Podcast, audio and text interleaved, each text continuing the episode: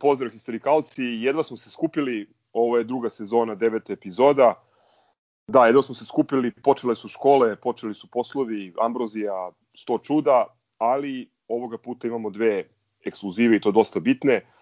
Prva uh, ekskluziva je da će prvi blok u ovom podcastu biti košarkaški, Mile će da istražuje, a u tome će mu pomoći naša prva gošća, prvi put u, u podcastu jedna naša drugarica, koleginica, prijateljica koja navija za Partizan e, i verovatno osoba koja najbolje razume situaciju sa bilansima, izveštajima APR-a, to je Viktorija. Viktorija, dobrodošla i hvala ti puno.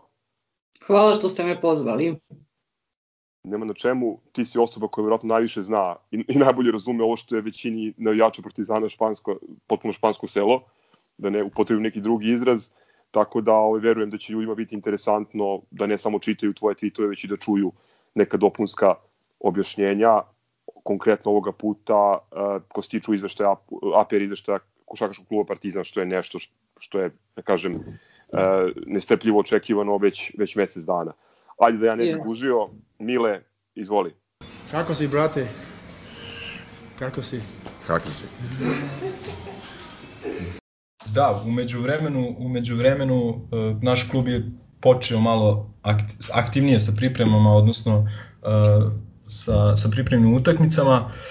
Nažalost, mi smo pominjali, pominjao sam to u prethodnom podcastu, pitanje je da li ćemo imati neku ozbiljniju proveru od ove koje smo imali juče i pre tri dana protiv Duletovog Kluža. Uh, Uh, umeđu vremenu, mislim da to, sad sam već izgubio pojam malo o vremenu, ne sećam se ni kad je bio ovaj prošli podcast, malo smo se ulenjili, ali mislim da, mislim da umeđu vremenu da se desila utakmica sa, slogom, sa pardon, Slobodom iz Užica, to je prva utakmica u ovih hali sportova i nju smo dobili rezultatom 76-58, uh, najefikasniji kod nas bili su Miller McIntyre sa 14, uh, Trifunović sa 14, Jaramaz 13 i Novica 11 poena. I, i posle toga su dakle usledile te dve utakmice sa protiv uh, Duletovog Kluža.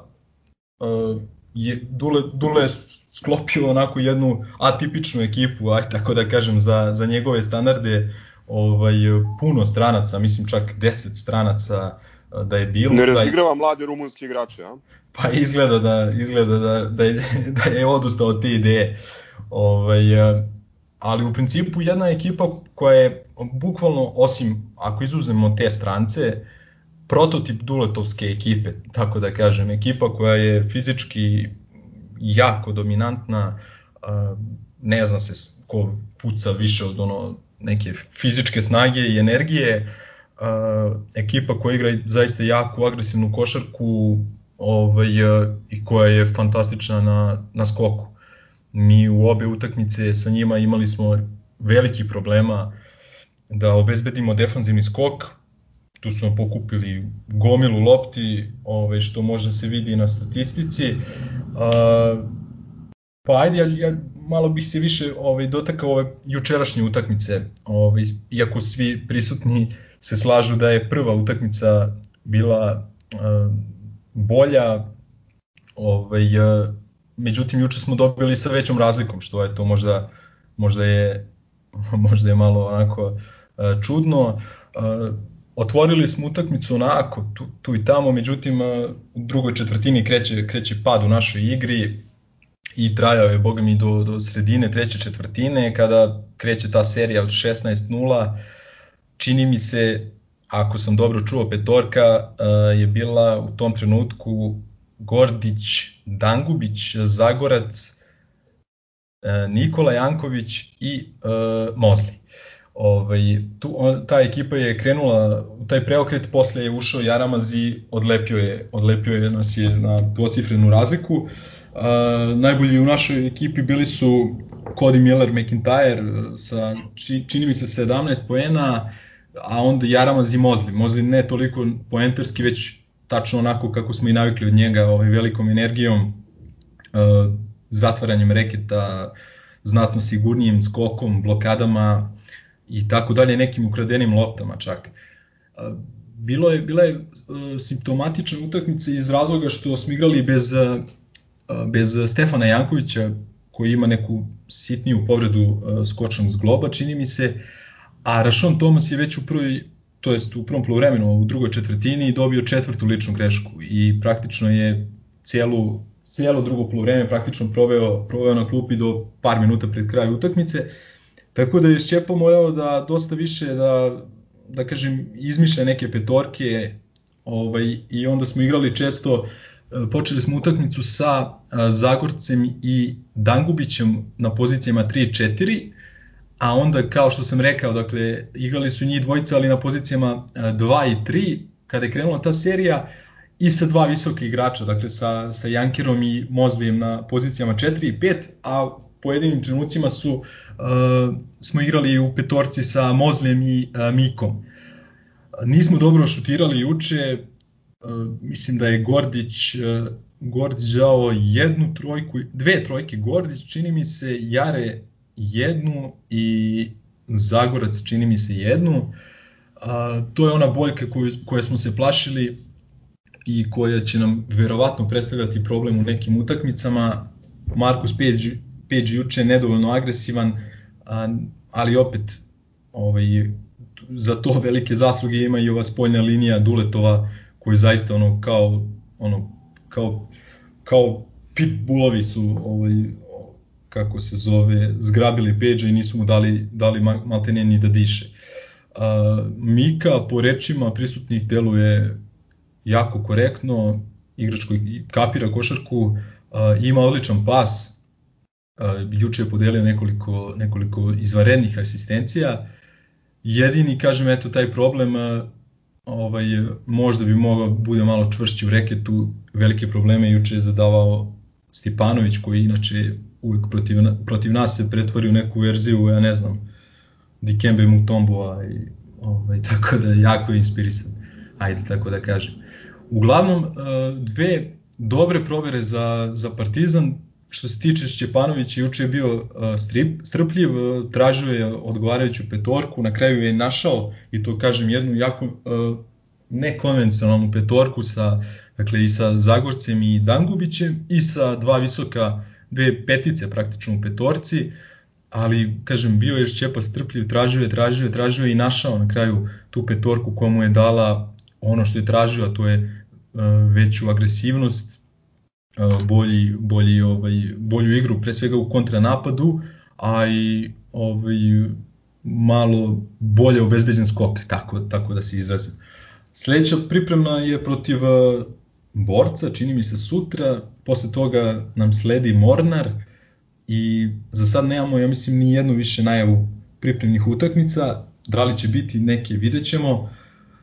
Kažem, to je jedina stvar koja me, koja me to jest, to je jedna od stvari koje me brinu, druga stvar je šut za tri poena, treća, treća stvar je skok, jer evo, videli smo ove dve utakmice da, da nam je Kluž napravio problem ovaj, u tom segmentu igre, ali pri, pripremne utakmice svakako u odnosu na prethodnu sezonu dosta siromašnija, naravno sticaj okolnosti je takav i tu prosto ne možemo ništa, ali eto recimo ovaj, komšinica igra taj jako solidan turnir u Turskoj, dok recimo vidimo da Olimpija, CDVita Olimpija, da imaju isto jake pripremne utakmice, dva puta su igrali sa Bayernom e, našeg Andreja Trinkjerija. E, Moj više nije. ovaj, e, zatim još neke pripremne utakmice u, u, protiv Ulma recimo su igrali, tako da imali su onako respektabilne protivnike i boga mi za sad deluju jako dobro, tako da nas očekuje jedna teška i zanimljiva ABA sezona ako nje uopšte i bude. Mene ove pripremne utakmice posjećaju na onu sezonu um, 2016-17, ako se ne varam, kada smo igrali sa Lukoilom, Antwerpenom, od koga smo izgubili i tako dalje. To, toga se sećate vjerovatno. Uh, vidjet ćemo, ovaj, korona u velikoj meri diktira naravno protivnike. Ako stvari ostanu ovako kakve jesu, ako se ne varam, e, mi se ne mičemo nigde iz hale sportova, pošto je arena ostala u COVID sistemu, je li tako? Tako je, po nekim, da. po, ne, po nekim najavama da, ako, ako se ništa drastično na bolje ne promeni, mi ćemo početi, početi sezonu u Hali sportova. A prva utakmica, opet ako se ništa ne promeni u rasporedu Evrokupa je u Badaloni 30. ovog meseca, je li tako? Jest, jest, 30. u Badaloni i onda posle toga vikend start ABA lige. Izgleda Kodi, on me najviše interesuje od ovih novih igrača. Izgleda sasvim ok, ono, ono što, od, šta se od njega očekivalo, to je, to je i počeo već da donosi. Do, dobar pregled igre, igra u tranziciji, jak na lopti, jak na prodoru. Problematičan je samo taj šut, ali bože moj. Mislim da će on bude sasvim ok, sasvim ok počanje za, za Partizan. Reci mi ovaj, ti tvoji izvori koji su gledali uživo pratili utakmicu, da li su ti rekli nešto na temu to ball handlera i kako izgledamo u napadu, da li s obzirom da Mika voli da igra pick and roll, da li je Šćepa probao sa Gordićem i Kodijem zajedno ili sa Gordićem i Pageom ili, ili Kodijem i Pageom, kako to izgledalo? Uh, nije probao nije probao sa Gordićem i uh, McIntyreom i mislim iskreno da osim u nekim izuzetnim situacijama to možda i ne bi baš da bi to malo poremetilo taj neki balans i što bi rekao Mute Nikolić, geometriju na terenu.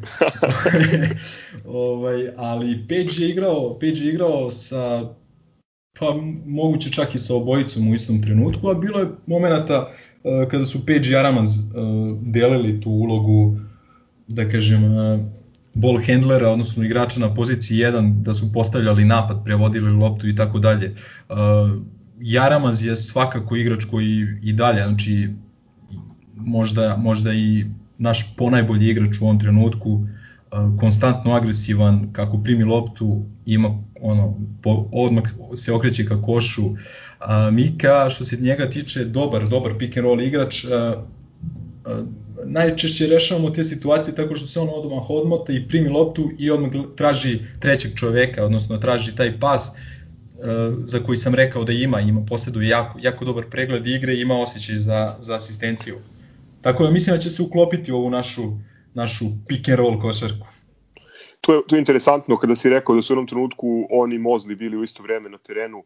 To nam nudi onako neke interesantne ofenzivne opcije u rekitu, s tim što već kad smo analizirali Miku, ovaj, kada je ono bilo najavljeno da će doći, ja sam izrazio ono blagu skepsu kako će da brani naš reket od ovih fizički dominantnijih ok, jeste ovaj Stipanović uvek poput Bilana recimo ekstra motivisan kad igra protiv nas, ali ove godine ima nekih dosta onako nezgodnih i fizički dominantnih centara u toj ABA ligi. Luković i dalje tu, znamo koga je dovela Cedevita, ovaj, kod, u Komšiluku ovaj, se očekuje ponovo jedan fizički jak igrač nakon što su Noka, vidim, ovaj, kako, je, kako je rekao ovaj, gospodin iz Predgrađa, e, nisu aktivirali ugovor. Da, da. I, i, to Možeš tri meseca, I to tri meseca nakon što, je, nakon što ga je potpisao. Ali dobro, makar nisu slali GSP autobus po njega. A reci mi, od juniora je igrao neko? Uh, juče, juče nije. Juče nije, bili su u protokolu Radovanović i Mali Jovanović. A, mislim da je Tarlać nešto malo zezno, zezno, čini mi se zglob, tako da nije mogao. Ali pravo da ti kažem, ona utakmica juče, ovaj, ok, ja sam u principu uvek za to da se, da se klincima pruži šansa, ali eh, ono, ne, mislim da nećemo imati jaču proveru, pre svega fizički, od one, od one koju smo imali juče i pre tri dana. I mislim da je Šćepa i zbog toga malo, malo hteo da vidi ovi nosioci igre koji bi trebalo da iznesu cijelu sezonu koliko oni mogu da pruže. Zaboravio sam, zaboravio sam kažem da i Novica nije igrao juče. Tako da, eto, bez Novice i Jankovića i sa četiri lične Tomasa, to je uzrokovalo to da često igramo, ovaj, da probamo da igramo sa petorkama sa dva, eh, dve petice, i, ali mislim da to neće biti slučaj. Tomas je recimo juče za to vreme koje je bio na parketu bio jako dobar. Bio je dosta bolji nego u većem delu prethodne sezone, čini mi se da je i agresivan i zainteresovan i čini mi se kao da je malo, da je malo smršao, da je malo doveo telo u red. Tako da... Prijam u Beograd, odnosno... Pa da, da, da. Da, ali sad kad kažeš zapravo ima smisla ako je Novica nije nastupao, ovaj Janković povređen i Tomas dobio brzo penale, nismo ni imali neke druge opcije na, na, na, na četiri, odnosno pet. Samo još jedno pitanje imam na, na temu Kluža, pošto mislim da ne treba se nešto ni preanalizirati celu situaciju. Uh, nisi pomenuo Angolu iz Kolumbije. Da li on, bratić, igrao i, i gde mu je gde mu je Šipanović našao mesto?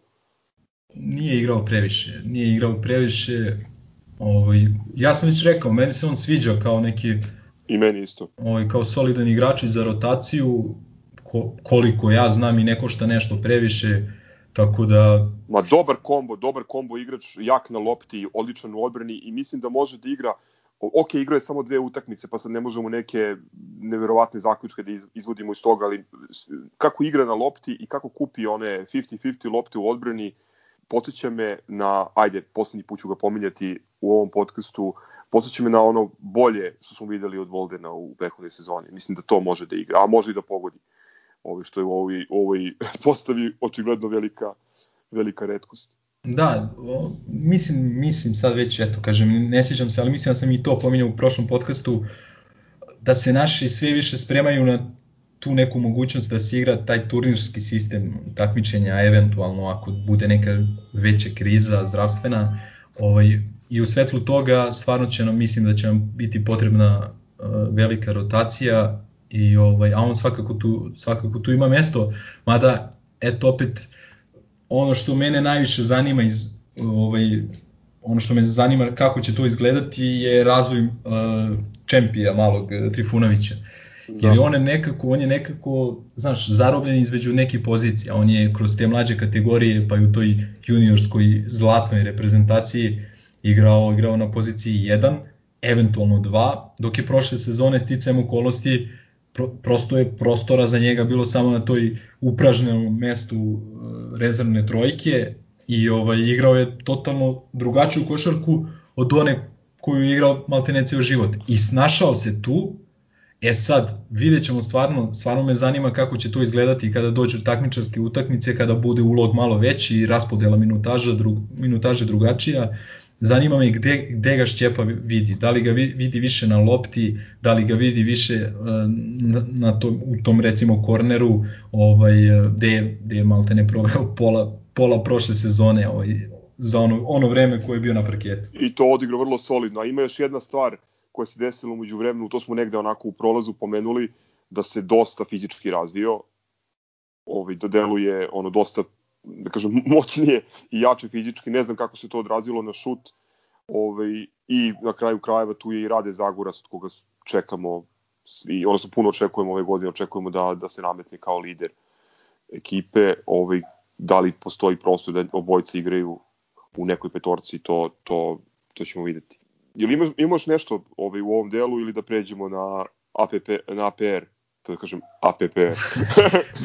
samo, samo, samo završni komentar za Trifunovića, mislim da on daje tu i veliku fleksibilnost svakom treneru, zato što, eto, kažem, već je pokazao da može igrati tri pozicije, pa nekako možeš da ga staviš ovaj, u različite petorke. I komentari mnogih su da bukvalno vidi se golim okom da je on onako najozbiljnije uh, pristupio ovoj, ovom, da kažem, produženom odmoru ovaj, od marta meseca ovamo, da je ubedljivo najviše uh, napredovao fizički ovaj, i da je najviše vodio računa o svom telu. Dobro, ovaj, ajde za, za kraj ovog dela košakaškog bloka da pozdravimo bratića Markusa Pejđa kome je danas 27. rođendan, poželimo sve najbolje, mirnu levicu i puno sreće u svakom smislu i da pozdravimo uh, arbitražni sud u Lozani koji će da se pozabavi ovim dualitetom, ili ne znam ni kako da ga nazovem. Sukob interesa. Teo sam da kažem, je li simbioza ovaj bio termin koji Dule koristi? Sinergije. Sinergije. Sinergija, dobro. Eto, možda konačno saznamo ovaj, ko je u pitanju, da li FNP radnički basket ili Ivo Lola River i u kakvom su međusobnom odnosu. Chevabi. It's good. Yeah, man. It's my favorite Serbian food dolazimo do dela koji ste svi sa nestrpljenjem čekali, a i mi, boga mi, jer očekujem da dosta naučimo. Viktorija, ovaj, pre svega, e, da li možeš da nam objasniš jednostavnim e, rečima, zbog čega je Partizanov izveštaj, odnosno njegovo objavljivanje kasnilo toliko? Pa prvo, pomeren je rok zbog ove pandemije da. sa 30. juna na 4. avgust, ja mislim. Onda smo 4. avgusta mi predali izveštaj koji nije bio ispravan. U stvari, to je neka budalaština. Postoji e, važni delovi izveštaja su bilans uspeha, bilans stanja i po meni najvažniji napomene uz finansijske izveštaje. Mi smo pogrešili u nečemu što se zove odluka. To je prateća ovih važnih obrazaca, mi smo stavili neki pogrešan broj, umesto broja 1 smo upisali broj 2 i oni su to nama vratili na ispravku. Zašto smo mi čekali mesec dana ispravljali taj jedan broj, to ne znam, ali znači vratili su nam, dali su nam rok od mesec dana da ispravimo tu odluku, mi smo ispravili, predali, oni su ga onda objavili. Apsolutno u tim odlukama ne postoje nikakve informacije, znači to u odluku se unosi informacija iz bilansa uspeha, bilansa stanja i napomena. Eto, Do. ali kažem, prvo zbog pandemije. Pandemija, Inače, onda taj proceduralni razlog. A, Dobro. Jeste. Jeste. Ove, ok, ajde sada ponovo, ovaj, pošto e, je bilo ovakvih i onakvih interpretacija, a Vili nam nije tu kao rezidentni e, finansijski forenzičar, Da li možeš, da li možeš ovaj, opet uh, jednostavnim jezikom da nam objasniš šta piše u tom izveštaju, šta je po tebi najinteresantnije. Videli smo sad razne interpretacije, neki novin, neke novine ovaj, pokušavaju i neki portali zapravo pokušavaju da ovaj, to predstave kao uh, finansijsku dubiozu, neki govore, ovaj, pre svega neki ljudi bliski klubu, da to nije toliko loše, uh, odnosno da se izveštaj zlonamerno tumači, uh, šta je, su po tebi najvažnije stavke izveštaja? Pa prvo ono što portali pišu, ja sam videla da je ne znam koji, da su napisali bukvalno rečenicu e, dug za prošlu godinu, za 2019. godinu je 700 i ne znam koliko hiljada evra. E, mislim što je nebuloza. E, to nije dug, to je Partizan jeste poslovao sa gubitkom, ali to nije dug. znači, apsolutno, ljudi prosto pišu vesti, a ne znaju, nisu u materiji, ne znaju ni šta da gledaju. Tako da, e, ja ne, mislim, meni je jako žao što su partizanove napomene uz finansijski izveštaj jako loše napisane. E, funkcija napomena je ispravna interpretacija izveštaja i sprečavanje njihovog pogrešnog tumačenja. Znači, vi imate bilans uspeha i bilans stanja koji su dve tabele u koju su uneti brojevi. I sad to ko zna da pročita zna, ko ne zna, njemu to ništa ne znači. E, zato postoje napomene uz finansijske izveštaje, gde se onda svaka ta pozicija iz bilansa e, raščlanjuje i objašnjava. E, naše napomene nisu raščlanile i objasnile ništa.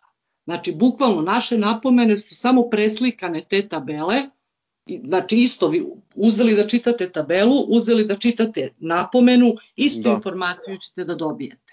Znači, mi imamo napomene da bismo zadovoljili e, formu, a ne suštinu napomena. Tako da meni to smeta mi, jer ja kad sam čitala sad izveštaj, ja tu imam milion pitanja koja u principu bi trebalo da mogu da nađem u napomenama odgovor. A ja u napomenama taj odgovor nemam. Tako da, e sad ne znam, ima, ima ovaj bilans, ima i dobrih i loših strana. Mislim. Bilans uspeha evidentno su nama povećani prihodi.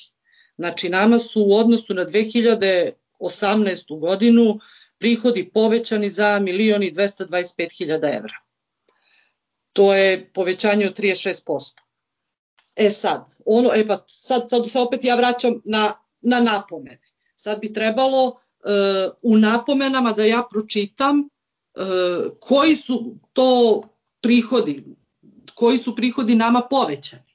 Ja u našim napomenama nemam, nemam takvu informaciju. Znači ja imam samo da je prihod od prodaje robe, proizvoda i usluga, tu je 3 miliona 554 hiljade prihoda. Sad, gde su, koliko je od toga prodaja karata, koliko je od toga sponzorstvo, koliko je od toga raščlanjeno, to kod nas nema. To je kod nas sve na gomili, a trebalo bi da bude. E, jedno Trebalo... pitanje, jedno pitanje laičko ovde, izvini što te prekidam. Baš e, radi se o toj stavci prihodi od prodaje robe, e, proizvodi i usluga. E, postoji podstavka koju si ti navela u ovoj tvojoj analizi koja se tiče e, roba na inostranom tržištu, je li tako? Je to e, dobro pa to je, to je mnogo smešno, ja sam namerno i tako napisala, zato što u našim napomenama stoji, sad tu gde treba da se raščlani, stoji e, prihod od prodaje robe. znači, da E, mi smo raščlanili na prihod od prodaje robe i to na domaćem i na inostranom tržištu. Ja pretpostavljam da je ovo na domaćem tržištu, da je to sad ta prodaja karata, sezonskih karata, sponzorski ugovori, e, da je tu ako smo, a nismo prodavali igrača ovde, nekom domaćem klubu. Znači, da je to sve, a e, kažem, zato su užasno loše napomene. Mi bi sve te informacije trebalo da dobijemo u napomenama, mi ih nemamo. A ovo u inostranstvu, pretpostavljam da je to obeštećenje neko koje smo dobili, ne znam, znači prosto ovo su sad moje pretpostavke zato što nam napomene nisu obezbedile tu informaciju. Jasno, jasno. To možda bude, da, da obeštećenje karata, možda neki, yes. neki nagradni fond i tako dalje. Ali, jeste, znači, ali... kažem, to je bukvalno, ali to su stvari koje se pišu u napomenama da bi sve bilo jasno. Zatim isto evo premije, premije subvencije dotacije. E, prošle godine smo dobili milion i 82 hiljade. Koje premije, koje subvencije, koje dotacije, ko nam je dao, ne znam. Ne znamo, ne piše. Da. ne piše, znači mi samo znamo da smo prošle godine dobili 386 hiljada više u odnosu na 2018. i to je sve. Neverovatno.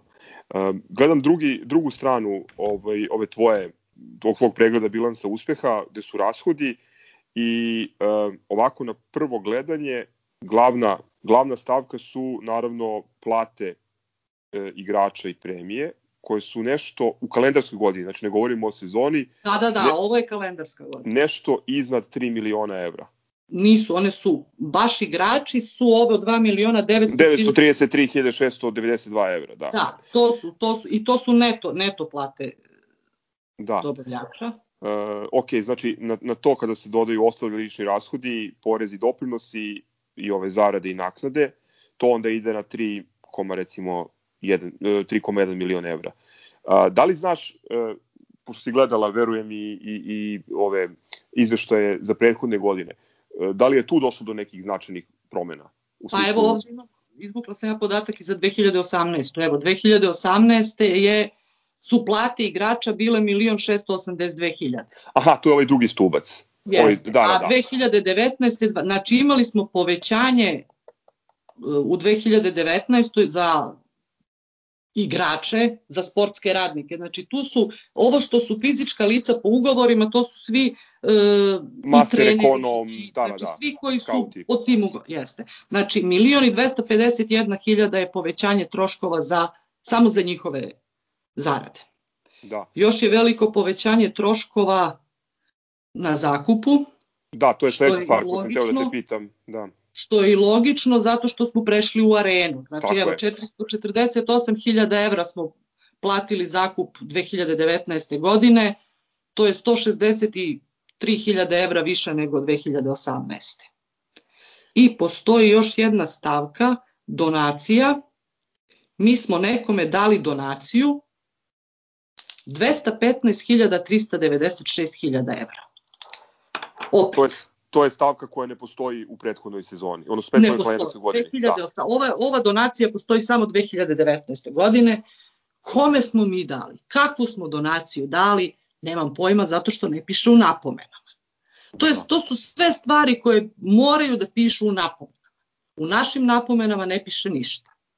Znači, čak i, ne, na primjer, ovaj, ovi neki troškovi, postoje ostali nematerijalni troškovi, postoje ostali finansijski rashodi i to sve stoji kao ostali. To bi trebalo da se raščlani, mi moramo da znamo, mislim, ko, onaj ko čita bilans treba da zna koji su to troškovi.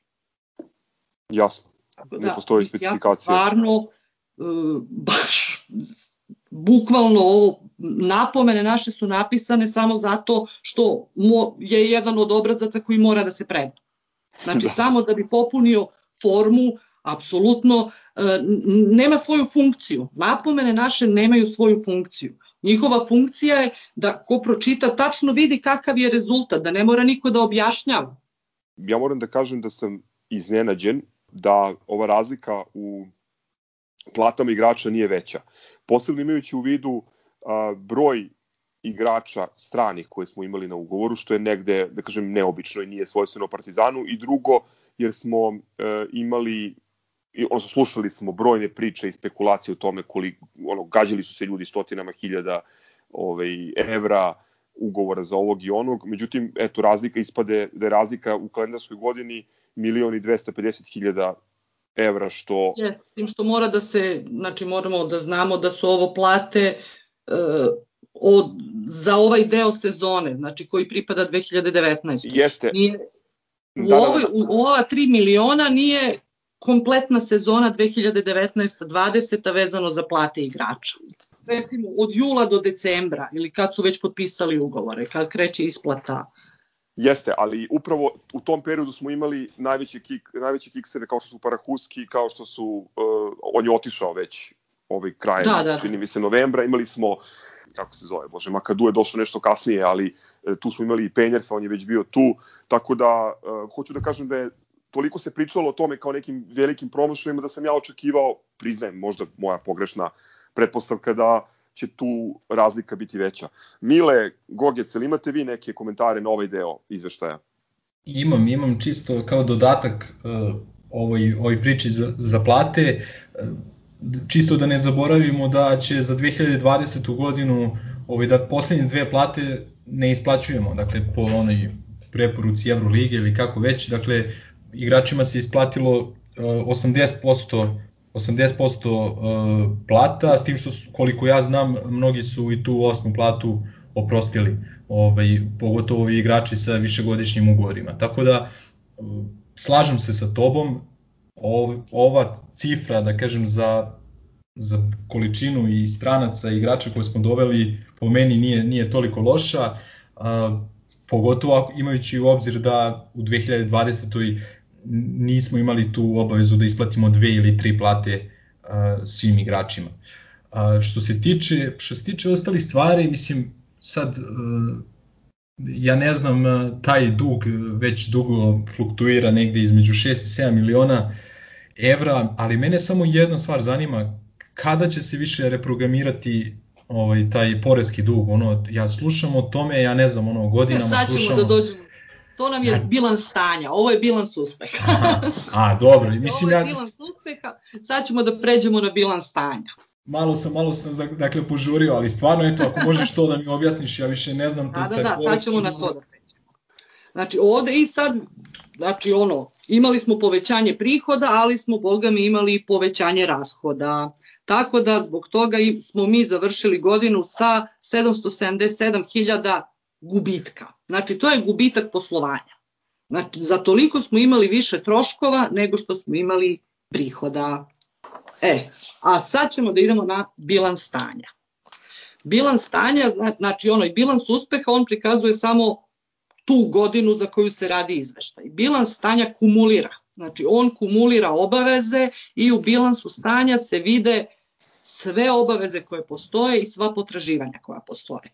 E, gomila ovih portala uzme i samo pogleda, pogleda obaveze i kažu da je to dug.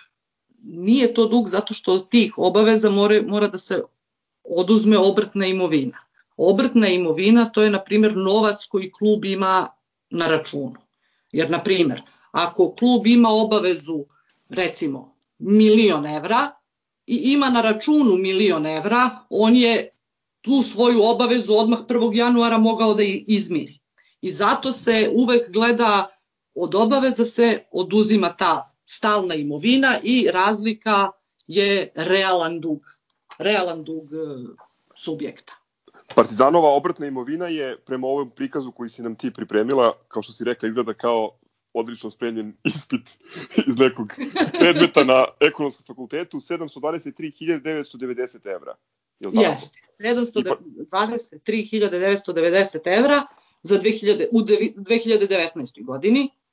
Da, i to je znači, uvećana, to je uvećana imovina, obratna imovina za 127.520. Jeste, u odnosu na 2018. godinu.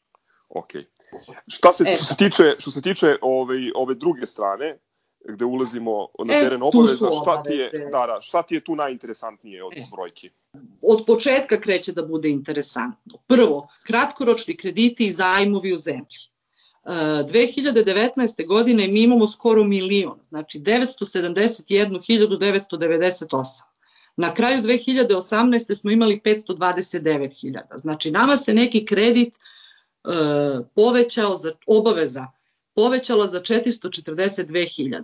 Naravno u napomenama ne piše koji kredit, jer ovo je ti kratkoročni krediti i zajmovi u zemlji, tu može da bude i da je neko uplatio pozajmicu i da ne mora da znači da je uzet kredit od banke, ali prosto Jasno. bez informacije u napomenama mi to ne znamo. Mi znamo sad, samo da je to kratkoročni kredit i zajam u zemlji. Znači ta stavka se povećala se obaveza za 442.000. U tih 971.000 eura se nalazi i 408.000 To je ona Expo banka, ali tako? One Expo banke. U bilansu, u napomenama su napisali da je taj iznos suspendovan po odluci suda. Znači, to znači da banka nas trenutno ne tereti za to, dok ne bude gotov sudski spor. Da li ćemo mi dobiti u tom sudskom sporu ili ćemo izgubiti, mi to ne znamo. Znači mi prosto e, tu obavezu imamo, nego nas u ovom trenutku banka neće blokirati, neće nam naplaćivati, jer smo u, u sudskom sporu. Na još jednom delu gde je kamata Expo banke, to je druga bilansna pozicija, 594.000 i to isto stoji suspendovano, Mislim, to je bukvalno sklonjen sklonjen dug i čeka se da se završi sudski spor. Da, on je, on, on je sklonjen, ali se nalazi uredno u ovim, ovim Mora da se nalazi. Bilazima, tako je. Tu je, tu je došlo do puno... mi ne znamo kako će da bude rešen spor. Tako je. Znači, Mislim, kroz to je, dok spor ne reši, on će da stoji u bilansima. To je potpuno jasno, nego tu je, tu je došlo, tu je možda i bilo najviše nekih e, sporenja i, i nejasnoće, jer neki, naravno, koji su želeli da tumače, odnosno da gledaju ovaj izveštaj na negativan način, kao polupraznu čašu, oni su insistirali na tome da e, eto nije rešen nije rešena situacija i dug se ovaj odnosno obaveze ti kratkoročni krediti i zajmovi su se povećali a oni koji hoće da gledaju pozitivnije na ugovor uključujući nek, neki ljudi iz kluba su automatski da kažem e, sebi dali za pravo da taj deo kredita otpišu, odnosno da ga ne računaju, iako on uredno stoji u knjigama. Tako da hvala ti na to objašnjenju. On mora da stoji skroz dok ne bude rešen sudski spor. Ma da, Jer ako bude jasno. rešen, e, ne mora da znači da će da bude rešen u našu korist. Naravno. Naravno. Znači, on tu stoji skroz dok se taj... U, u bilansima za 2018. godinu u napomenama čak nije ni stajalo da postoji bilo šta vezano za taj kredit. Bilo kakav spor. Nije, nije postojalo ništa. Ove godine su napisali za 2019. da je suspendovan po odluci suda.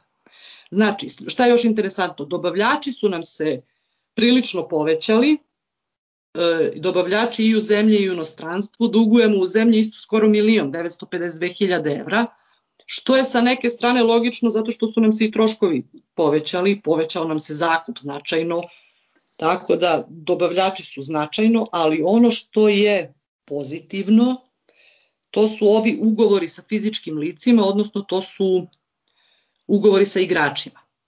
Znači to su plate igrača. E, mi na dan 31.12.2019. dugujemo milion i po. Znači, skoro 700.000 manje nego prethodne godine, je li tako? Upravo. Upravo. Na, da, na dan 31.12.2018. smo dugovali 2 miliona 249 hiljada, 2019. dugujemo milion i po. Znači, to znači prvo da se regularne plate redovno isplaćuju, jer se obaveza ne povećava, a plus znači da se i one stare obaveze polako smanjuju. Znači, nama je obaveza za plate smanjena za skoro 700.000 evra. To je, recimo, pozitivna, pozitivna da. stvar ovog bilansa. Ostale obaveze, ne znam, opet kažem, napomene su katastrofa. I dolazimo sad do čuvenog PDV-a i obaveza za porez i I druga, druge dažbine, gde piše u napomenama za ova dva, znači PDV 946.000 evra i obaveze za poreze i doprinose 1.754.000 evra, to je 2 miliona i 700.000 evra. U napomenama piše da su te obaveze u procesu restrukturiranja, što pretpostavljam da čeka se reprogram. Sad, kad nam država odu, e sad, oni kažu da, da su tu i kamate, a opet u napomenama ne piše da postoje kamate, u napomenama ne piše kolike su te kamate, pa mi ne možemo da znamo sa kolikim kamatama da računamo. E, reprogram ide na sledeći način. Država odobri firmi da plaća svoje poreske obaveze na 5 godina, 7 godina, kako se napravi dogovor. I onda, e, otpis kamate država radi tek kada se sva glavnica isplati. Što znači da kamata ako postoji ovde, ona i ako uđemo u reprogram, ako bude trebalo da se otpisuje, ona će da se otpiše tek posle 5 ili 7 godina, kad mi isplatimo naš dug. Da bismo bili u reprogramu, e, država uslovljava da sve tekuće obaveze prema državi moramo redovno da plaćamo i uslovljava da svaku ratu to što nam odobri reprogram, moramo da platimo na vreme. Ako bi se slučajno desilo da ne platimo neke tekuće obaveze državi ili da ne platimo ratu, reprogram se automatski poništava. Znači mi automatski izlazimo iz reprograma i moramo odmah da platimo sve. Da, dosta ozbiljan problem. Tako, to prosto tako funkcioniše. I zato ovaj taj porez mi nikada ne možemo da stavimo kao, e, to nam je reprogram, to ne dugujemo. Mi to dugujemo i mi to moramo da platimo. Samo ako uđemo u reprogram, ne moramo da platimo odjednom 2 miliona i 700, nego ćemo to da podelimo na ne, nekoliko godina. I to će da stoji u bilansu i mora da stoji u bilansu skroz dok ne bude isplaćena poslednja rata.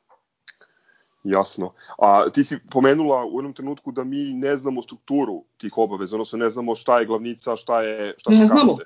Ne znamo, zato što ne piše u napomenama. ne znam. Da, to je dosta, a, a to je dosta bitna stavka baš zbog ovoga što si, što si sada govorila o dinamici isplata, odnosno o tome kolik, kolike su nama obaveze pre kojih uopšte možemo da računamo na, na realizaciju yes. tog reprograma. Yes. To ne, ništa ne piše u napomenama. Ljudi, ili imate neko pitanje? Mislim, ovo je jako zanimljivo. Jeste komplikovano, ali mislim da Viktorija jako, jako dobro objašnjava stvari nama koji smo lajci. Nemam apsolutno ni, ništa da pitam i niti da dodam. Hvala Viktorija na ovom iscrpnom objašnjenju. Stvarno si ovaj, neke, neke dileme koje sam imao, jako, jako si mi ovaj, razrešila nek, kao lajku. Ovo, ja kažem, ovo, to je to jest hoću da kažem da meni apsolutno ništa nije bilo jasno, jer nisam ni stizao da se bavim puno ovim prethodnih dana, ali sad mi je opet jasno i moje neko mišljenje, sve one priče koje su išle, ja sam mislio da će kanal koji stalno spominjemo, mislim da će biti mnogo veći, tako da ovo ne deluje toliko strašno, ajde, daleko je od toga da treba da se radujemo, ali svi smo, verujem, mislili da je sve ovo mnogo gore, posebno samo za 2019. Tako da... A evo, nama je, nama je, e, nama su, nama je dug na kraju 2018. bio 6,5 miliona, 6 miliona 522 hiljade. Na kraju 2019. 6 miliona 886 hiljada. Znači mi smo povećali dug za 363 hiljade, što uzevši obzir da smo radili sa gubitkom od skoro 800 hiljada, mislim, Da, ovde i pozitivno ovo što si malo čas naglasila da smo uspeli da vratimo neke ove nasleđene dugove od skoro 700.000. Da. Tako to da je to, to je to je, to je meni najpozitivniji, jedini pozitivan aspekt ovog i da, da. povećanje da, prihoda. Uh, jeste, s tim što, to sam baš teo da kažem, jedna velika stvar zbog, zbog koje možda, mislim, jako bitna stvar zbog koje možda ne treba biti preveliki optimista, korona je nas osakatila za nekoliko punih arena, u ovoj drugoj, odnosno finalnoj fazi Evrokupa i, i, i ABA lige i takođe sada uopšte ne znamo šta će biti sa sezonskim kartama i sa, i sa publikom, a nama je to jedna od, u strukturi prihoda jedna od glavnih stavki, tako da... Pa ne znamo, ne piše u napomenu. Dobro, nagađamo. nagađamo da je tako. Ove, ovaj, jer ako se dobro sećam recimo za, za ovaj, onu utakmicu sa e, protiv budućnosti kad smo oborili rekord u posetima za ABA ligu, mislim da je ono, neto prihod bio nešto 45.000 evra, mislim, samo za tu utakmicu, što je, ako je tačno, mislim, jako bitna stavka, onda možemo da, da kažem, da spekulišemo koliko bi tu tek, ovaj, da kažem, profita Partizan mogu da napravi da su e, da su ove igrane utakmice sa publikom, ali ajde, to je sve šta bi bilo kad bi bilo. Hteo sam, hteo sam pitanje jedno. Ove, ovaj, to nemanje napomena famoznih, Da li to, pošto smo svi skloni koje kakvim teorijama zavere o, o, o gašenju UPPR-ovima daleko bilo i slično, da li to ne pisanje napomena je samo nečija lenjost, ono što kažu ovaj, da. klasičan državni posao, ili to može da bude da to neko radi zato što se, pošto verujem da imaju oni koji će da imaju teorije zavere da li u stvari možda to jeste tako, da neko nepisanjem tih napomena pravi neku odstupnicu i prikriva da bi posle mogao da nas ukanali još dodatno ili to ima samo ne, ne, ne. da je samo ono klasičan važni, državni posao radi samo ono što Važni su podaci koji se nalaze u bilansu uspeha i bilansu stanja. E, napomene služe samo da se te pozicije bolje objasne. Ja sad ono što sam čitala, to je bukvalno lenjost, zato što sam čak i provalila da je neko e, neke tuđe napomene prepravio, jer e, u jednom delu se e, čas klub zove društvom, čas klub zove klubom. Znači, to, trebalo bi da je pisano direktno za Partizan. E, u, u čitavom tekstu bi stajalo klub. Jer Partizan je klub, nije privredno društvo. A ovde kao da je bukvalno ne, neki, nečije tuđe napomene, ti uvodni delovi su uh, prepravljeni i onda su samo ubačene tabele, mislim, ono je, ne znam, mene bi bilo sramota da predam onakve napomene najiskrenije, znači ono je, ali nisu, to je bukvalno bilans uspeha i bilans stanja su dva glavna obrazca vezano za, za finansijski izveštaj. Znači imamo plagirani bilans stanja. Ove... ili imamo revizora, ili imamo revizora koji voli copy paste. Ja, imam ja, je, za klijenata. Imam ja, imam ja jedno pitanje ovaj, završno možda za, za, ovu, za ovu temu. A, od kada je, mislim ja stvarno ne znam, stvarno sam lajik, ono priznajem potpuni po ovom pitanju, ali a, kada, od kada je, kada je počelo ovo interesovanje, odnosno mogućnost da se da ti da mi svi pristupimo tim podacima iz APR-a? Aha, Pre par godina je počela tek da objavljuje APR, ranije to nisu objavljivali na nisu objavljivali izveštaje na svom sajtu.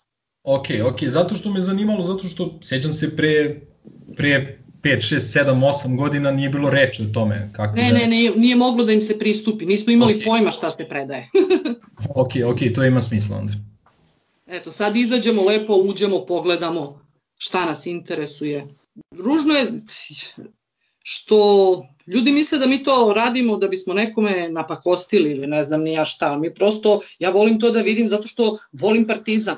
znači ja volim, hoću da znam da li ćemo da se gasimo, hoću da znam kako stojimo. Znači prosto i u krajnjoj liniji hoću da, da, da dok, mislim da vidim da li novinari lažu kad pišu svoje članke, lažu. Mislim, oni su za futbalski klub napisali da duguje 31 milion, što nije tačno. Mislim, ovaj, tako da mi to radi, ja to radim prosto zato što volim partizan. Znači, mene ne interesuje šta će neko da kaže. Ja ako vidim da mi dugujemo 6 miliona, a mene niko, ja, ja vidim da dugujemo 6 miliona. Mogu oni da pričaju da dugujemo 2.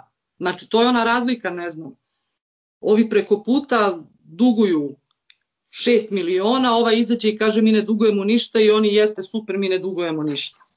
Ma potpuno si u pravu, mislim, za, zato smo ovu stvari hteli da uradimo, ovaj, čisto da, da ono, stvari budu potpuno precizne i, i jasne do kraja i na kraju krajeva dodao bih samo na sve ove tvoje argumente i jednostavno ne želimo da nas čak i ljudi koji vode klub prave kretenima pa, i da, na, i da nam naravno. neku priču koja, koja ne stoji. Ali mislim da je sad svima jasno i mislim da si pomogla mora čak i nekim manjim slušalcima u pripremi ispita za ovaj, poznavanje financija ili ovaj poreske politike. Tako da ovaj hvala ti hvala ti puno za za sve, za sve ove komentare i za ovaj za to što nadam se sad bolje razumemo kakva je finansijska situacija u našem košarkaškom klubu. Eto, nema na čemu tu sam. Sa Ivica Ilije, Ivica Ilije, Ivica Ilije. Ovaj blok bi mogao da se zove nedelja i po u životu simpatizera Partizana, jer ono što se dešavalo u našem klubu, u našem futbolskom klubu od uh, prethodne epizode pa do sada je prosto neverovatno, ali mislim da je ono objašnjenje Partizana u nekih pet tačaka. E, za početak ću samo da prođem brzo kroz te tačke, a onda možemo da, da pređemo ovaj, na neki razgovor o detaljima. Prva velika stvar koja se desila, nažalost, odmah nakon ovaj, one naše prethodne epizode, je Saova čvrsta odluka da napusti klub, jer čovjek više nije mogao da da se nosi sa ovim budalaštinama ovde, definitivno kao i mnogima mu je dokurčilo i odlučio je da digne, digne sidro. A, klub je reaguje vjerojatno na najbolji mogući način i a, trener Partizana je posle 10 godina odsustva ponovo postao Aleksandar Stanojević, nas, naš 14. trener u tih 10, 10 godina. A, potom smo imali žreb za treće kolo kvalifikacija gde nismo imali sreće i gde smo za protivnika dobili trenutno prvoplasiranu ekipu belgijskog šampionata Sporting Charleroi, koji baš i nije profil protivnika ko, iz nepovlašćenog šešira koga očekuješ u trećem kolu kvalifikacije, ali šta da se radi. Uh, možda smo ih malo i prizvali onim pominjanjem Antwerpena u, u nekim uh, korontinskim epizodama. Zatim, kao posledica dolaska Stanojevića i, i nekih turbulencija unutar ekipe, naš Ćelavi je napustio klub i otišao u Saudijsku Arabiju nakon tri godine, ja bih rekao, ono, kvalitetne izvanredne službe, a, dva trofeja, ako ne grešim, 134 zvanična nastupa, što ga čini 13. E, na listi po broju nastupa u 20. veku. Kao zamena, aj tako da kažem, je došao Aleksandar Miljković, popularni Miljkon. E, većina navijača Partizana nisu oduševljeni, ali to je možemo da pričamo. Zatim je došlo do zatezanja situacije između našeg kluba i Futbolskog saveza Srbije saopštenja, onda onaj skup u Staroj Pazovi gde oni plebiscitarno pružaju podršku velikom Slaviši Kokezi i osuđuju Partizan, onda neka fantomska udruženja, sudija, neki ono treneri za koje nismo ni znali da su, da, su, da su i dalje pri čistoj svesti koji su se oglašavali i našli da shodno da pliju Partizanu. I poslednja stvar koju bih ovde dodao, pre sutrašnje utakmice protiv Rada, koja će biti prva Stanovića utakmica na, na klupi. Dosta dobar učinak naših omladinaca. Neki od nas su pratili intenzivno e, omladinski futbal e, prosto jer je u ovoj reprezentativnoj pauzi bio neophodan pravi ono fiks kad je reč o, o, o Partizanu i, i futbalu. E, omladinci su dobili derbi e, tamo ovaj, u blizini Jame 1-2 i e, pobedili su umeđu vremenu i Čukarički 2-0. E, Štulić dva puta bio strelac po jednom na obe utakmice. Eto, to je u najkraćem pregled ovih neverovatnih 11 dana u životu futbolskog kluba Partizan. Ljudi, hoćemo od Save da krenemo. Može, može. Mislim da je to svakako vest koja je obeležila ovaj, ovaj period, odnosno da kažem, ta pozicija trenera, aj tako možda malo ispravnije da se izrazim. Što se tiče Save, jako mi je krivo što se sve odigralo na ovaj način. Nekako došao je sa nikad manjim očekivanjima. Ja mislim da nijedan trener nije dočekan u Partizanu sa, sa više skepse, možda Kiza Milinković, ali tad je bila bolja situacija, imali smo onaj, mislim, bili smo prvi na tabeli, pa ajde možda to je malo nivelisalo to neko nezadovoljstvo, ali Savo stvarno, ne sad zbog lika i dela Savi Miloševića, nego prosto bila je skepsa iz razloga što on do tog momenta čovjek se nije bavio trenerskim pozivom. i ja sam prvi bio jako, jako skeptičan po pitanju uh, njegovog angažmana, međutim vrlo brzo nas je sve demantovao, osvojili smo trofej, pobedom u Rupi u finalu kupa, uh, igrali smo jako, jako, jako lep futbal. Mislim, ne znam, ne znam kako drugačije, da ne upotrebim sad neki možda preterani epitet, ali stvarno smo igrali jedan od lepših futbala u, od kako ja pratim Partizan na kraju krajeva. Ma dovoljno izvini, Mile, izvini, dovoljno je da ono, ljudi poslušaju onu epizodu koju smo sumirali prethodnu godinu, znači prethodnu sezonu u kojoj nismo osvojili jedan trofej, a svi smo bili prezadovoljni zbog nekih ono neverovatnih utakmica. Zaista je bilo veliko uživanje ići i gledati Miloševićev Partizan u, pro, u prošloj sezoni. Jeste, znači nikad, nikad, nikad nije bila tačnija ona, ona, da kažem, parola nije važno pobediti, nije važno biti prvi, važno je osetiti Partizan u svojoj krvi. Stvarno, znači sad kad se setim one utakmice protiv Malati u Beogradu, znači evo, znači naježio sam se. A, kad se setim Manchester Uniteda u Beogradu, na kraju krajeva, koji je posle, ne znam dokle su oni dogurali do polufinala, ovaj, i tako da, znači, uh, vratio sumu, našao mu mesto u ekipi, promovisao malog ovog Stevanovića i doveo ga, doveo ga do Manchester Uniteda i transfera od koliko? 10-15 miliona evra. Uh, insistiranje na Sadiku i poverenje koje mu je dao čak i kod onih promašaja, istrpeo njegove promašaje, doveo, doveo ga je do igrača koji vredi isto 15 miliona evra. A, tako da mnogo dobrih stvari je Sav uradio, ali naravno bilo je tu i bilo je tu i grešaka. Ja sam mu već zamerio, ono rekao sam prošli put što nije bio malo agresivniji u ovom prelaznom roku, što nije rešio neka neka goruća pitanja poput tih bekova ili štopera. E, tako da i on naravno kao, kao, i, kao i svaki trener e, snosi veliki deo odgovornosti za loše rezultate, ali opet sve u svemu kada, kada podvučem nekakvu crtu, ja sam iskreno i lično jako zadovoljan uh, onim što je Savo uradio i šta je doneo Partizanu u ovom mandatu.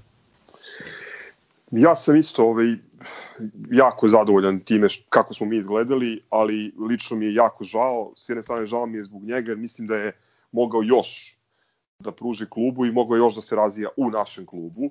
Pa da onda ode kao još formiraniji trener, trener koji možda bi ispravio neke, neke bagove ovaj, kojih smo svesni i otišao i napravio neke velike stvari u, u nekoj zbiljnoj ligi.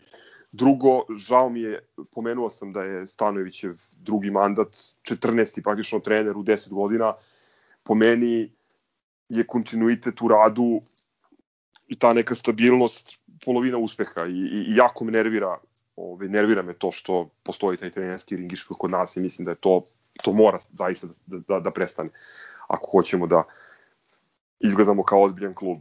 Uh, ništa, ono, žao mi je što, eto, mislim, potpuno ga razumem, razumem rezigniranost i mislim da svako mora da razume ono, zbog čega se desi ovaj, onaj Novi Sad i, i, i ono kao kulminacija nataloženog frusta, o tome smo pričali opširno u prethodnom podcastu, još uvek nesvesni da neće uspeti da ga ubede da ostane. Žao mi je što neće ostati u klubu u nekom drugom kapacitetu, ali mislim da ovde definitivno ne važi ona priča izgubljen ili potrošen čovek, e, šta više mislim da zbog te neke normalne tranzicije sa Sava na Stanovića koji mu je bio kapiten u omladinskoj ekipi pre koliko, pre skoro 30 godina, mislim da ovaj Savo ostaje ono vojnik Partizana i da ćemo ga nadam se još još videti u nekim u klubu nekim drugim ovaj, ulogama. Eto, toliko ovaj, od mene. Sve najbolje mu želim. I da se ja malo samo priključim. ovaj, pa nadovezu bi se na Milete, ono što malo pre rekao, da možda jedino od, od Ljubinka Drulovića, kad je bio onako na brzinu postavljen za prvog trenera, nisam očekivao ništa spektakularno, kao što nažalost na kraju ništa spektakularno nismo dobili, Savo je bio negde u tom ranku sa svim svojim angažmanima i u Futbolskom savezu i slično, realno nismo mnogo očekivali, ali onda ono, koliko smo se nadali, super smo prošli. Tako da sve što se dešava u ovoj državi i u ovom našem futbalu je sumanuto više i, i pričati i čuditi se, tako da, da nekako je ovo moralo da se desi.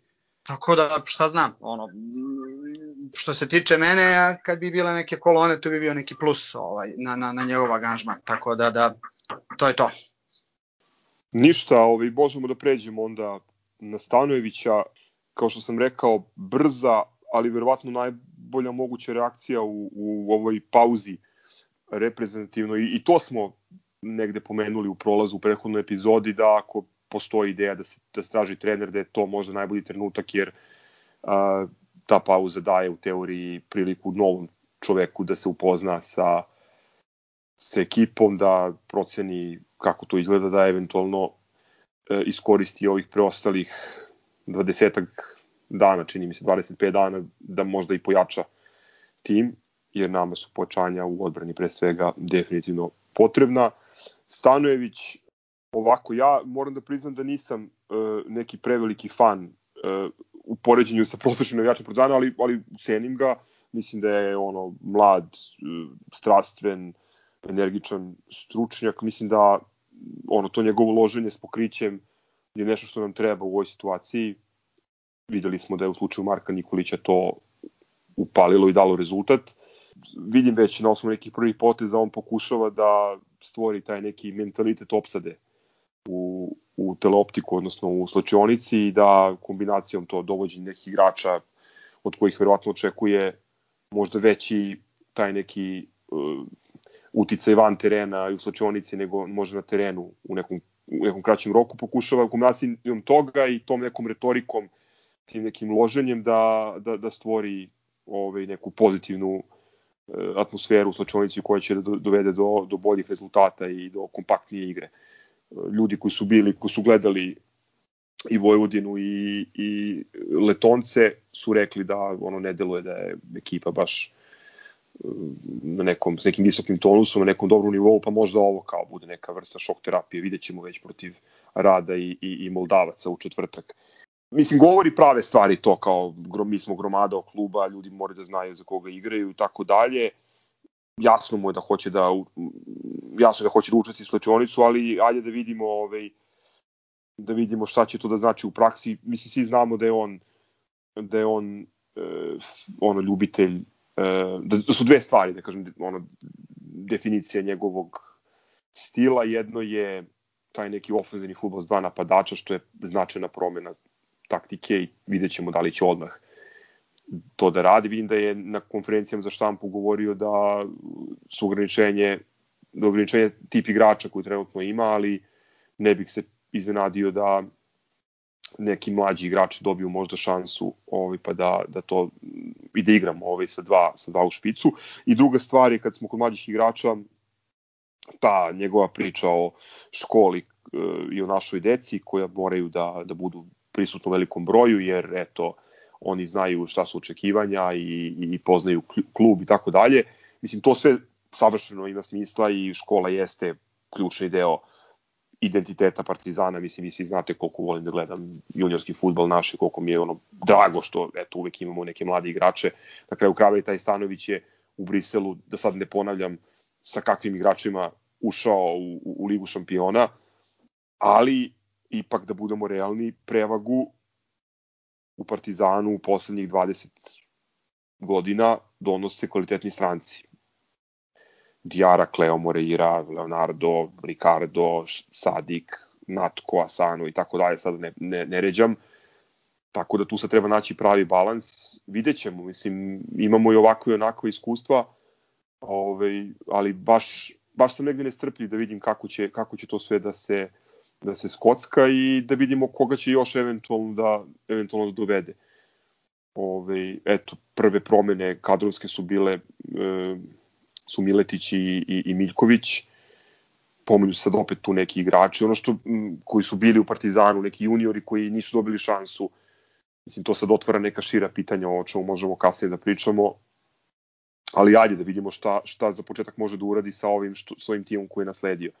A, dobra stvar je, to sam pomenuo u uvodu, da su mladinci zaređali sa dobrim utakmicama i to protiv najjačih rivala, očigledno da i oni hoće da se nametnu i da shvataju da im je ovo sada sjajna šansa, pre svega mislim na, na Štulića, Jovića, Čolića i Denisa Stojkovića, mislim da oni da ovde mogu da da mogu da profitiraju od Stanovića u dolaska. Sad vidjet ćemo da li će konačno se pojavi neku u odbrani ko, ko može tamo da, da, da ovaj, iznese neku značajnu ulogu.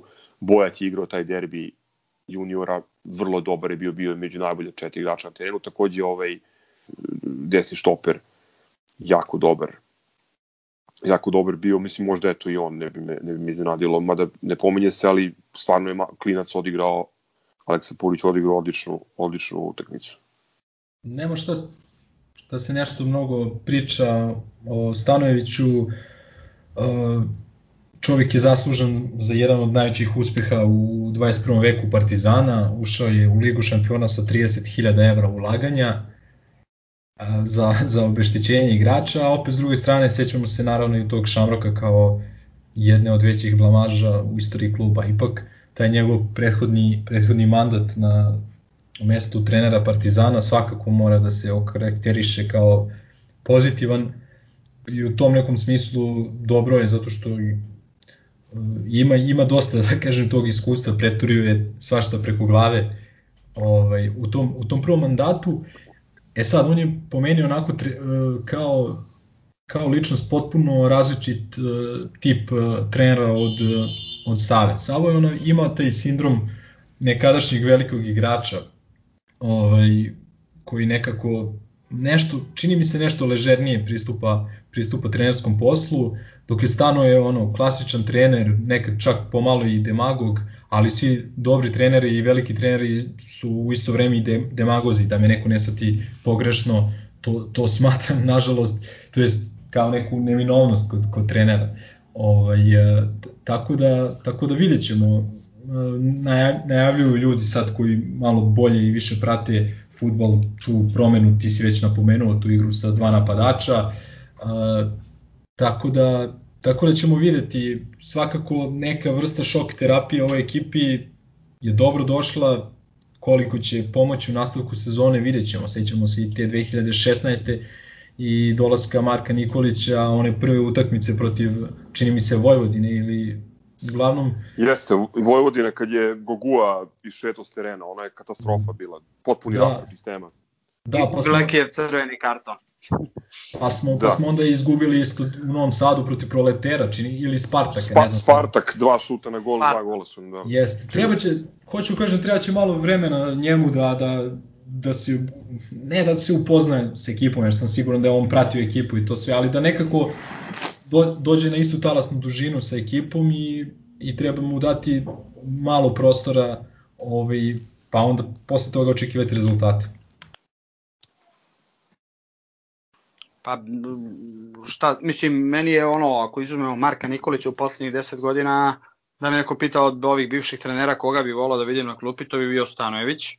I eto, ispunila mi se želja ali opet s druge strane, pogotovo i ovih e, poslednje dve nedelje, da ne idemo dalje, apsolutno više ne očekujem ništa od Partizana i, i u ovom i onom smislu, jer jednostavno šta god da očekujemo bude suprotno.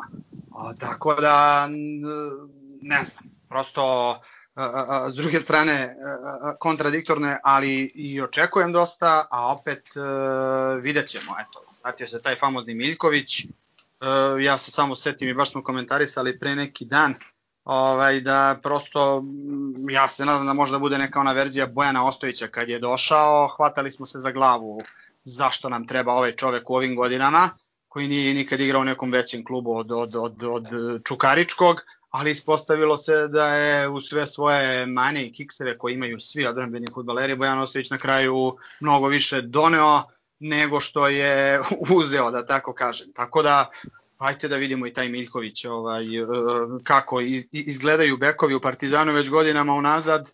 Ne verujem da to nešto može bude mnogo gore, da, da, da, da, da budem iskren, bar iz neke moje vizure gledanja Partizana.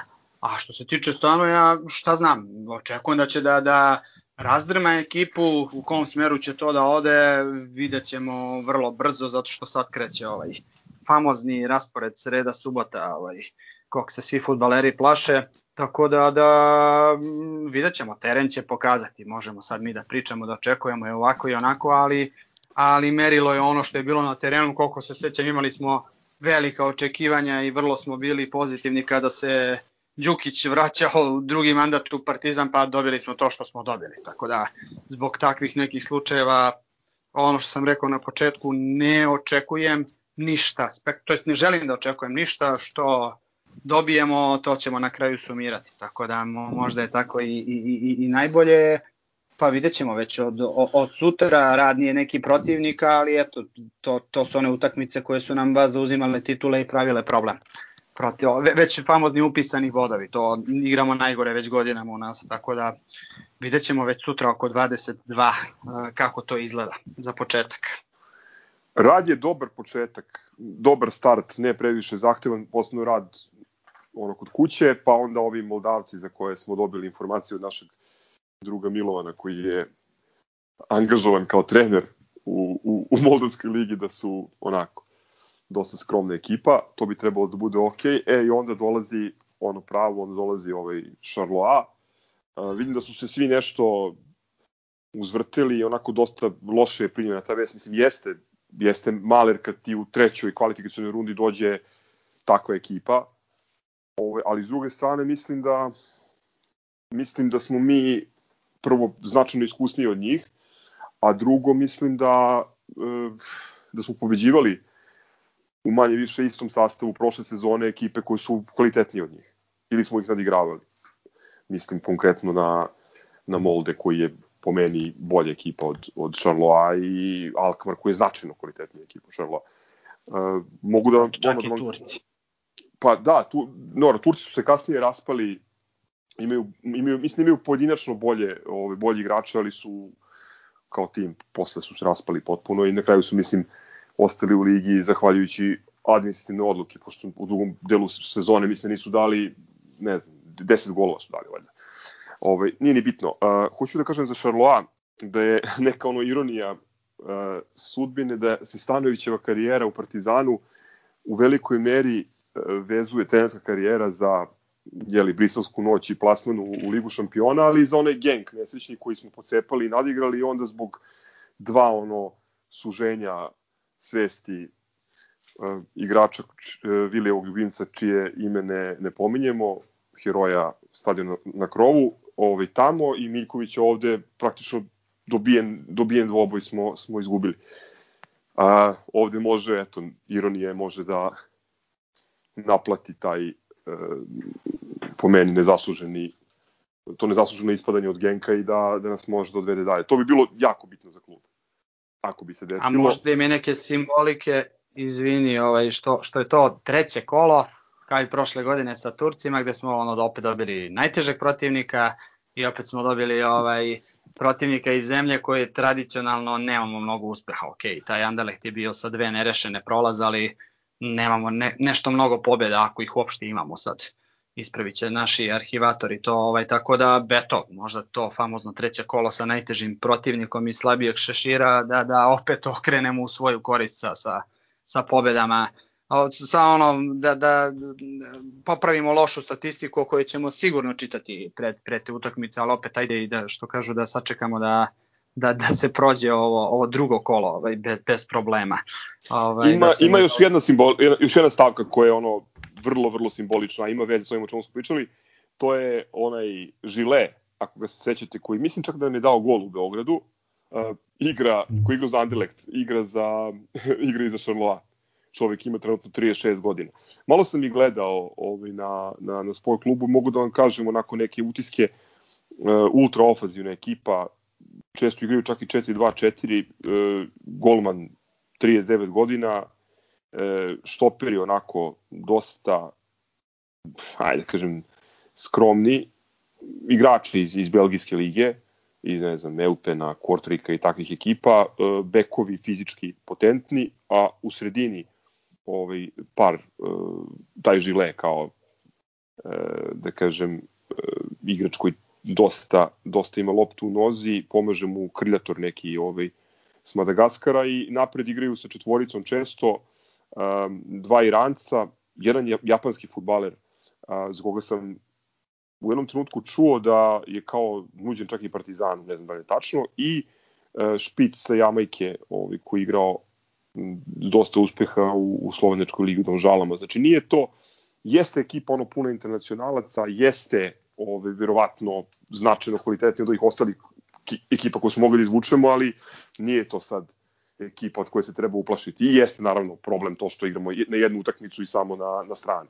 Ali ovaj, ipak mislim da smo, da smo kvalitetniji i značajno iskusniji od njih i da ako odbrana bude na nivou, ako Stanović uspe da utegne malo ovaj, pozadi, da možemo da prođemo i da ne treba da se uh, ne treba sada ono očajavati. Da, o tome ćemo možda detaljnije kad prođemo Moldavce, trebalo bi da ih prođemo i ovaj, ono što sam čuo što je dosta dobra, dobra vest, izgleda da će ipak biti prenos te utakmice, tako da ovaj, eto, vidjet ćemo uživo dve, dve bitne utakmice ove nedelje.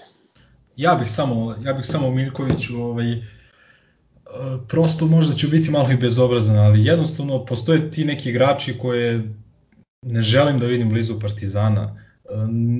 Čak na stranu i ti neki igrački kvaliteti i pogotovo to kakav je lik ovaj, za slačionicu i to. Prosto, ne znam, nekoliko puta je dokazano da je čovek ono, maler, maler za nas i jednostavno, ne znam, ne, prosto teško mi je da shvatim da u 2020. godini, evo već na, maltene na izmaku 2020. godine mi ne možemo nađemo ni jednog drugog desnog beka osim Mirkovića. Ok, kao imamo previše stranaca, pa samim tim tražimo domaćih igrača i to, ali prosto, prosto ne mogu da verujem. Mislim, sve najbolje želim dečku, da, da me neko ne shvati pogrešno, ali to, to mi je ono kao, kao Gagić u košarci, jednostavno, čak i kad ima neko objektivni kvalitet, ovaj, kakav takav, jednostavno nisi za taj klub dokazano već u x primjera i zašto sad ponovo reciklirati i naglo je splasla atmosfera, to je, to je najgore svega. Bila je ta neka euforija početna, kao vraća se stanove, pričam naravno za,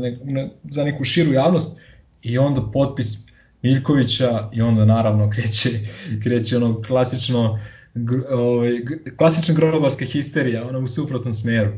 Tako da stvarno mi nije jasno, ono, kažem opet, daj Bože da me demantuje, ali nisam neki optimista. Ne znam, meni, mislim, nisam bio fan, priznajem, ono, u prvom mandatu i u pravu si bilo je ono neviđenih situacija od onog uh, ispadanja na, na, na gol out liniji protiv Rubina, igranja rukom, mislim, ono, jezivo je bilo, sećam se na istoku da smo, da smo pratili izbliza i ono, užasavali se, ali ajde da, ono, da, da, da dozvolimo da je čovek, mislim, za početak igrao je dečko u, ne znam, 5-6 različitih država, uključujući i neke fizički dosta zahtevne ligi, kao što su Ruska i Poljska, odigrao je za taj Perm, ne znam, 50-60 utakmica, sumnjam da bi mogo da igra da nije da nije spreman i da nešto nije nije naučio. Na kraju krajeva i ta Braga, mislim samo da je ono pogled, pogledajte koga je, ko, ko, sa kim je trenirao i koga je trenirao tamo. Kapiram da je da je nešto da je nešto naučio ovaj dolazi kao definitivno kao ono formiran igrač i, i iskusan igrač 30 godina punih ili ne znam, možda se samo ja nadam da će, da će to da, da izgleda bolje. Uh, ma na kraju krajeva, ovaj, kad, po, kad pogledate kako, kako izgledala desna strana, uh, nažalost u, u poslednje vreme, mislim da ne može da ne može biti mnogo lošije od toga, čak i ovaj, da možemo da čekamo neko poboljšanje. Vidjet ćemo vrlo brzo pa ćemo, pa ćemo komentarisati. Ne bih samo voleo to da se avansno pljuje, ovaj, nisam naravno fan, volao bih da smo poveli nekog boljeg da smo beka, ali, ali šta da se radi.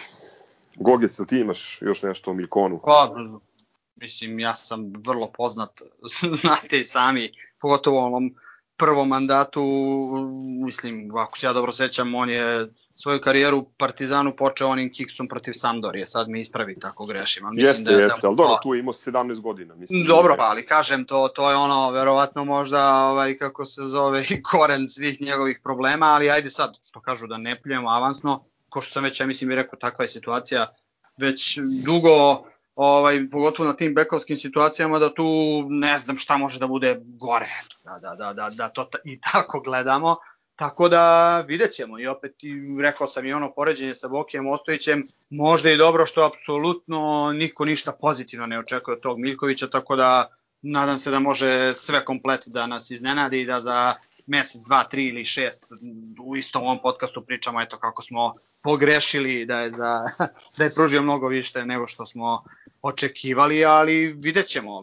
Mislim i ono, i, i u globalu navijači Partizana, to sam ih hteo još da kaže, da podelim svoju muku, ono što me tišti već od tog Novog Sada i od mnogo ranije, što smo mi postali vrlo čudni u smislu, ja sam to dao neko poređenje, kao kad je dete talentovano za, za glumu, a roditelji su zapeli da bude doktor.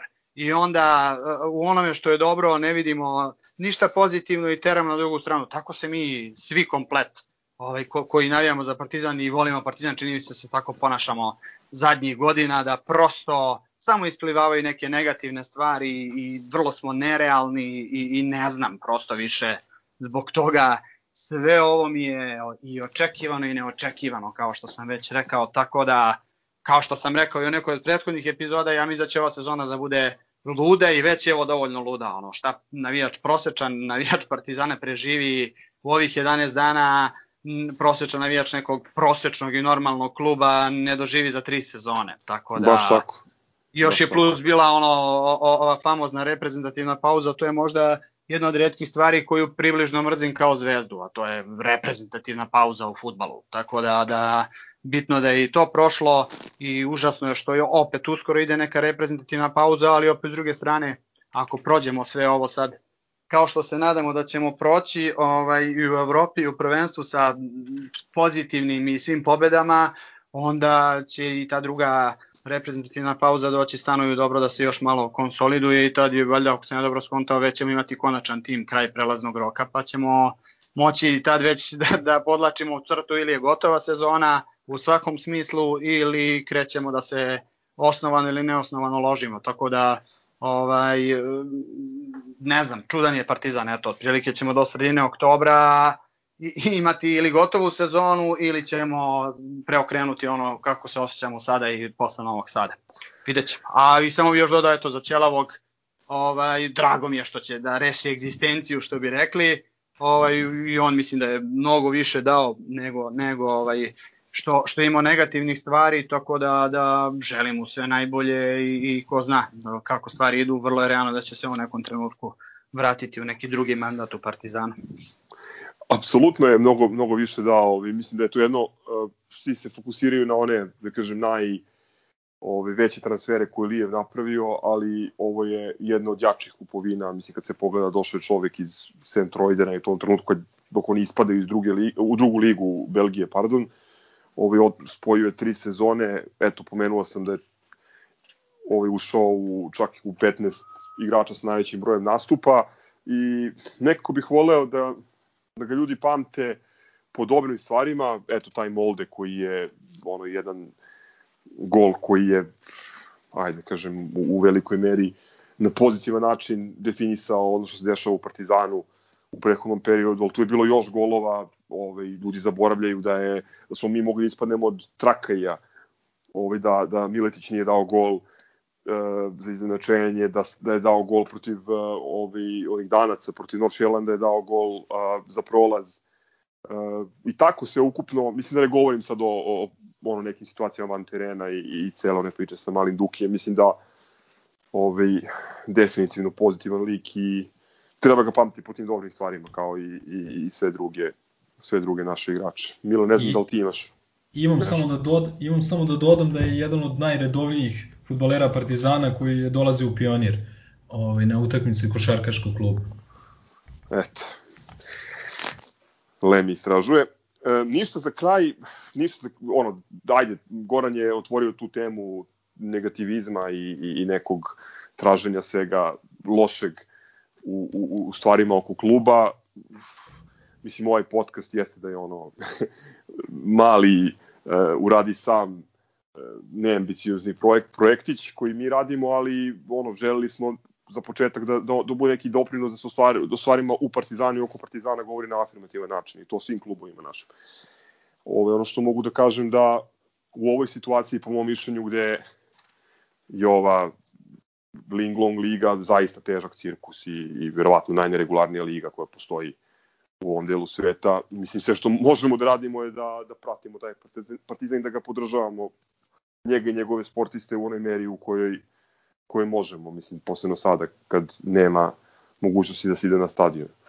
A vidjet ćemo. Možemo da se nad, nadamo i tome da će Mirković igrati bolje nego u prvom mandatu i tome da ćemo eto, imati još jednu uspešnu sezonu u Evropi i ono što, čemu se svi ovaj, nadamo da ćemo nastaviti jako pozitivan bilans koji je Savo Milošević doneo ovaj, u susretima sa komšijama koji mu praktično nisu ne praktično, nisu mu dali gol na četiri poslednje utakmice, a na većini utakmica nisu ni zapretili. Tako da na toj utakmici se sve vidi i tu sudije i ovi ostali faktori van terena ne mogu previše da im, da im pomognu. Za kraj imamo ove standardne rubrike, već smo čestitali Page u rođendan, izjava nedelje, e, ovo smo negde ono offline konsenzusom zaključili, a vas dvojica ako imate izvojeno mišljenje, molim vas, dodajte. E, prvi srpski bek i prvi zlatiborski kafeđija Batađora, e, koji je izjavio u, u tom jednom jeli, naručnom intervju pljuvanja Partizana i njegovih igrača kako su Partizanovi igra, stranci e, treće klase. Ovaj, s tim što ja moram da se pitam da ako su oni treće klase, koje su klase onda ovi nesrećnici koje ti takvi stranci ponižavaju na terenu, buše, daju im golove, love im kičmu, nameštaju ovaj, zglobove i tako dalje. To je izjava nedelja ako nemate ništa protiv. Naravno, naravno da ne. A što se tiče se tiče zlatne štoperice, odnosno poluge, to ide uh, superiorno marketingu uh, futbolskog kluba iz Komšiluka, koji je dolazak igrača iz Italije, dakle ne iz Španije, najavio uh, muzičkom temom iz, iz Netflixove serije uh, La Casa de Papel, a muzička tema, verujem da je većina gledala seriju, je Obela Ćao. I sad na stranu što se radi o... Ali je, partizanskoj pesmi, nego šta je, šta je sublimirana poruka, da su oni obijači trezora i centralne banke.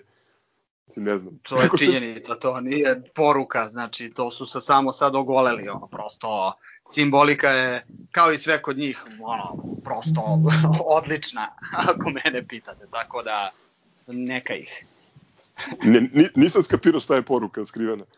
Da li pa to... upravo to, obijači državnog trezora i državne banke, tako da ovaj, to je to. Oni to samo rade na neki malo subtilniji način. Ovaj, ali, ta, ali ta serija, nažalost, ima mnogo više sezona nego što će Casa de Papel ikada moći da ima, tako da to, to je nešto što traje već 75 sezona. Ovaj, i, ali dobro, nije da nismo navikli.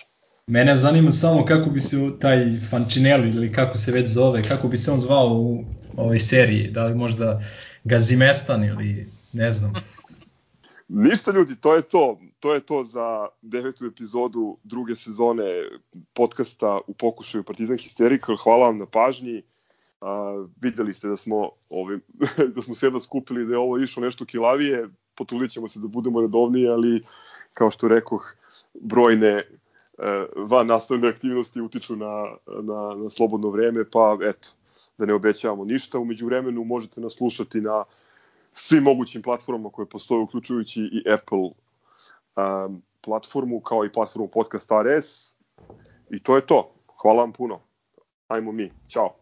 Zdravo. Pozdrav, očekujte neočekivano. Ćao, brate. Zalim ti prijetna dan.